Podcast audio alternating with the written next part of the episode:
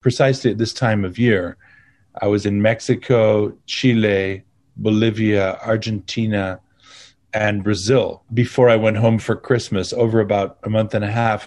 Pred božičnimi prazniki leta 2019 je priznan ameriški pisatelj, novinar in vojni dopisnik John Lee Anderson v slabih dveh mesecih prepotoval velik del Latinske Amerike. But this is the region of my, you know, it's my muse and the place I, where I know so many people. Kljub temu, da je prepotoval Afriko, Evropo in Združene države Amerike, Latinska Amerika ostaja njegova muza. Oh, he's the Latin guy, or he's the guy who likes to go into the jungle. Latinski fant, tako bi ga verjetno opisali sodelavci v medijski hiši The New Yorker, za katero John Lee Anderson že od leta 1998 piše daljše novinarske prispevke. Tudi med intervjujem je bil v eni izmed latinskoameriških držav, v Čilu. Za nekoga, ki je vajen potovan, to obdobje predstavlja še posebej velik izziv. Kljub nepredvidljivim razmeram pa John Lee Anderson že načrtuje naslednja potovanja po njemu ljubi celini.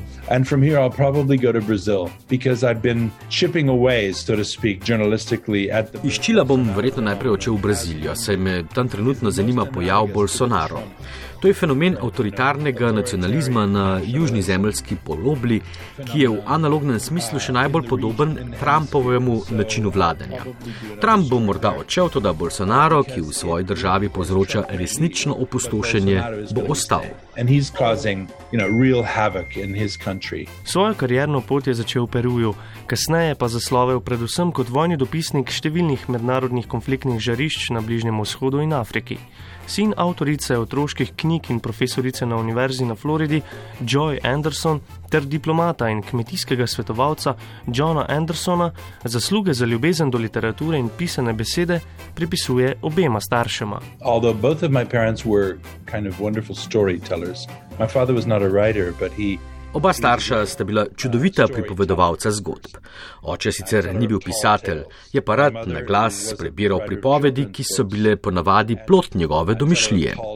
Mama mi je kot pisateljica otroških knjig že zelo zgodaj privzgojila ljubezen do literature in branja, pa tudi do umetnosti nasploh.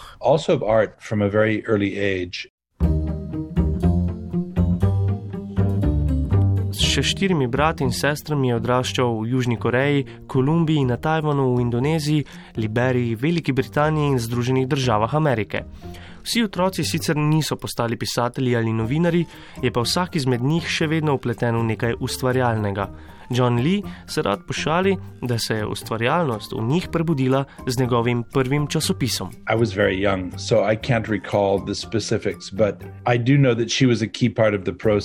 um, Moja mama je bila ključni del tega projekta. Ne glede na to, ali je bila ideja njena ali moja, sem postal urednik svojega malega časopisa, ki mi je bil v velik ponos. Kot poročevalce sem zaposlil svoje brate, sestre in prijatelje ter jih poslal zbirati novice po naši sosedski.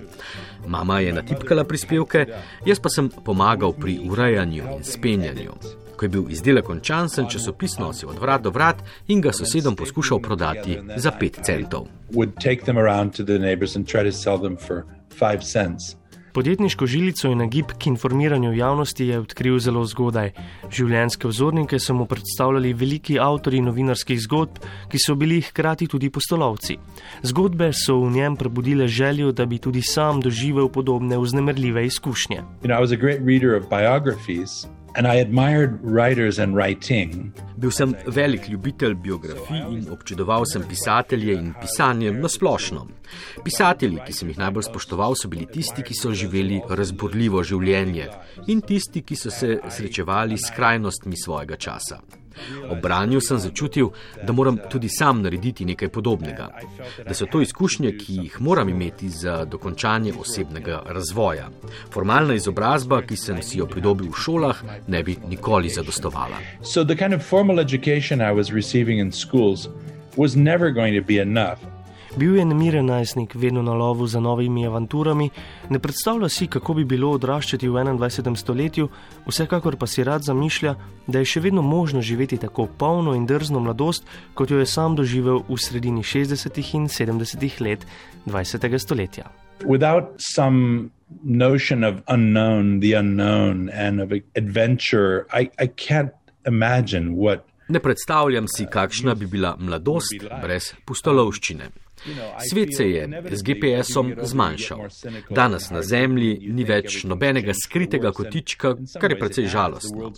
Sam sem se v mladih letih odpravil na Aljasko, pa vse tja do Amazonke. Resnična vrednost potovanj in odkrivanj ni v fizičnem prostoru, ampak v človeških mislih, ki jih tam odkrivaš. V tem sem na nek način našel velik vir olajšanja. Kljub neverjetnemu napredku tehnologij, 64-letni novinar meni, da je še vedno veliko neodkritega.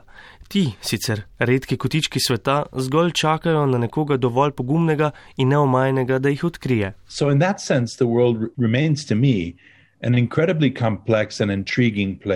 Svet je neverjetno zapleten in zanimiv kraj, kar me navdaja z upanjem, da sem v novinarstvu še vedno na poti odkrivanja. Če bi začutil, da je svet popolnoma znan, mislim, da bi kaj hitro obupal. Ampak resnično menim, da ni. It would be very sad, I would give up, but I don't think it is. Poleg novinarskih prispevkov za medije, kot so New York Times, Harper's, Life, Nation in na zadnje New Yorker, Anderson piše tudi avtorska knjižna dela. Med odmevne svetovne uspešnice sodi predvsem biografija Čeja Gevare. Velik politični poznavalec se v svojih knjižnih delih in novinarskih prispevkih dotika predvsem tem, kot so zloraba moči, nasilje in vplivi različnih politik, ki jih bogati z mnogimi podrobnosti.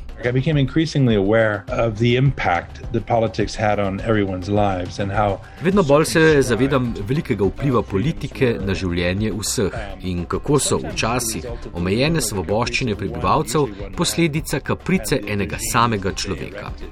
Začel sem se nad vse zanimati za moč in organizirano nasilje. Čez čas sem opazil, da številni politični sistemi po vsem svetu temelijo na nasilju.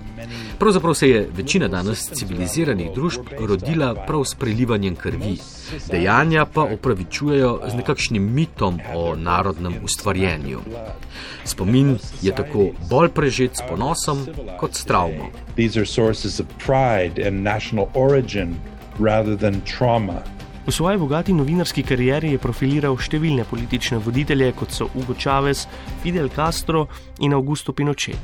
Intervjuje je upravljal tudi z nekaj zelo agresivnimi posamezniki, in mnogi se sprašujejo, kako jih je uspel prepričati v razkrivanje njihovih nasilnih dejanj. Ampak sem se repeatedly meeting, you know, extremely violent people. Ob pogovoru z mano so se odprli. Pravzaprav nisem prepričan, zakaj. Morda se bo tole slišalo nekoliko blazno, ampak sam razumem nasilje, saj sem bil tudi sam v preteklosti nagle jeze, kar me je nemalo krat pripeljalo do pretepov. In sogovorci začutijo, da razumem ko sem z njimi, ne obsojam, tudi zato, da slišim, kaj lahko povedo. Seveda pa imam neki etični standard in bom njihova dejanja zagotovo obsojal pozneje in sicer ob zapisovanju zgodbe. Strinja se s tem, da lahko veliko izveš od žrtev, a odnegdaj so ga veliko bolj zanimali storilci nasilnih dejanj. Meni, da vsi poznamo posledice nasilja, a teže je od storilcev slišati, kako in zakaj so nekaj storili. The immoral, the moral, the legal, and the illegal that I like to explore. Tanka je meja med nemoralnim in moralnim, ter med zakonitim in nezakonitim. Ponovno uporabo nasilja lahko vidimo danes ob usponu avtoritarnega nacionalizma in populizma. Začne se z rabo jezika, na to pa se grobost uporablja za nadaljnje utrjevanje takšnih ali drugačnih pravil. Ni treba pogledati daleč, podobne vzorce lahko vidimo že v Združenih državah Amerike. Zelo je kritičen tudi do politike Donalda Trumpa. Trump's arrival was part of a global phenomenon that I'd begun to feel happening since the year before with the wave of, of migrants into Europe and also Trumpov prihod je bil del globalnega pojava, ki sem ga začutil že leto dni pred njegovim prevzemom oblasti. Takrat je bil v ospredju migranski val v Evropi, pa tudi terorizem ter uspon rasizma in izključevanja. Kot nekdo, ki je dolga leta preživel na različnih krajih v konfliktih, sem začutil, da se svet in tudi Združene države Amerike spuščajo v nekakšno temo. Danes imam občutek, da je tukaj priložnost za vrnitev z roba prepada that we have a chance to come back from the brink.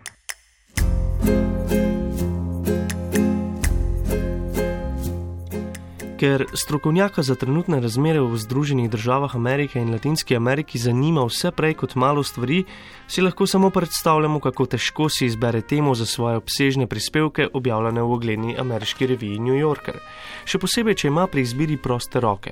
Nekatere njegove zgodbe štejejo tudi več kot deset tisoč besed. I follow my own interests largely. If I'm feeling unhappy about what I'm doing, I, sometimes it takes me a while to know why. Ponavadi sledim intuiciji, ki me vodi do zgodb, za katere menim, da so vredne zapisa. Navadno imam dolg seznam tem, ki me zanimajo in so mi všeč, na to pa se pogovorim še s svojim urednikom. Ta ponavadi izrazi zanimanje le za eno, morda dve od mojih šestih ali sedmih idej. Six or seven ideas I throw out to him. Pisal je o tolpah v Rio de Janeiro, potresu na Haitiju leta 2010, osamljenemu plemenu v perujski Amazoniji in revnemu predelu Karakasa. Za svoja dela je prejel številne novinarske nagrade. Za najbolj kakovostne prispevke porabi veliko energije in časa. Well, I, I usually write about, I mean, sometimes I've written as many as five stories in a year, but it's unusual. Um, Včasih sem v letu dni zapisal tudi do pet zgodb, vendar je to zame nenavadno visoka številka. Pogosteje gre zgolj za tri prispevke na leto. Za zbiranje materijala na terenu potrebujem približno tri tedne. Potem se vrnem in prispevek pišem še tri tedne. Sledi postopek urejanja in preverjanja dejstev, ki obsega dodaten mesec. Ob predpostavki, da je moj urednik nezaseden in se lahko ukvarja samo z mano, bi lahko celoten postopek trajal približno dva meseca in pol. Toda zaradi intenzivnega načina življenja se to obdobje navadno razvleče na tri do štiri mesece za vsako zgodbo. But, Zase pravi, da ni preveč sistematski človek, a z leti postajajo tudi v načrtovanju prispevkov vse boljši. Verjetno nikdar ne bo tiste vrste novinar, ki bi vse raziskal že pred samim potovanjem. Preveč rad ima raziskovalni vidik novinarstva. And also to keep an eye for parallel experiences. I've often found that going a little bit off Pogosto namreč ugotavljam, da najdem najboljše zgodbe, ko se nekoliko odmaknem od urnika in seznama ljudi, s katerimi se moram videti. Ta odmik mi omogoča stranski pogled nazaj na srednji odr, ki je lahko resnično informativen. Ponuja popolnoma nov pogled v pripoved in v resničnost. Žal dolge zgodbe, do katerih John Lee Anderson čuti posebno ljubezen, v sodobnem hitrem načinu življenja privabljajo vse manj bralcev.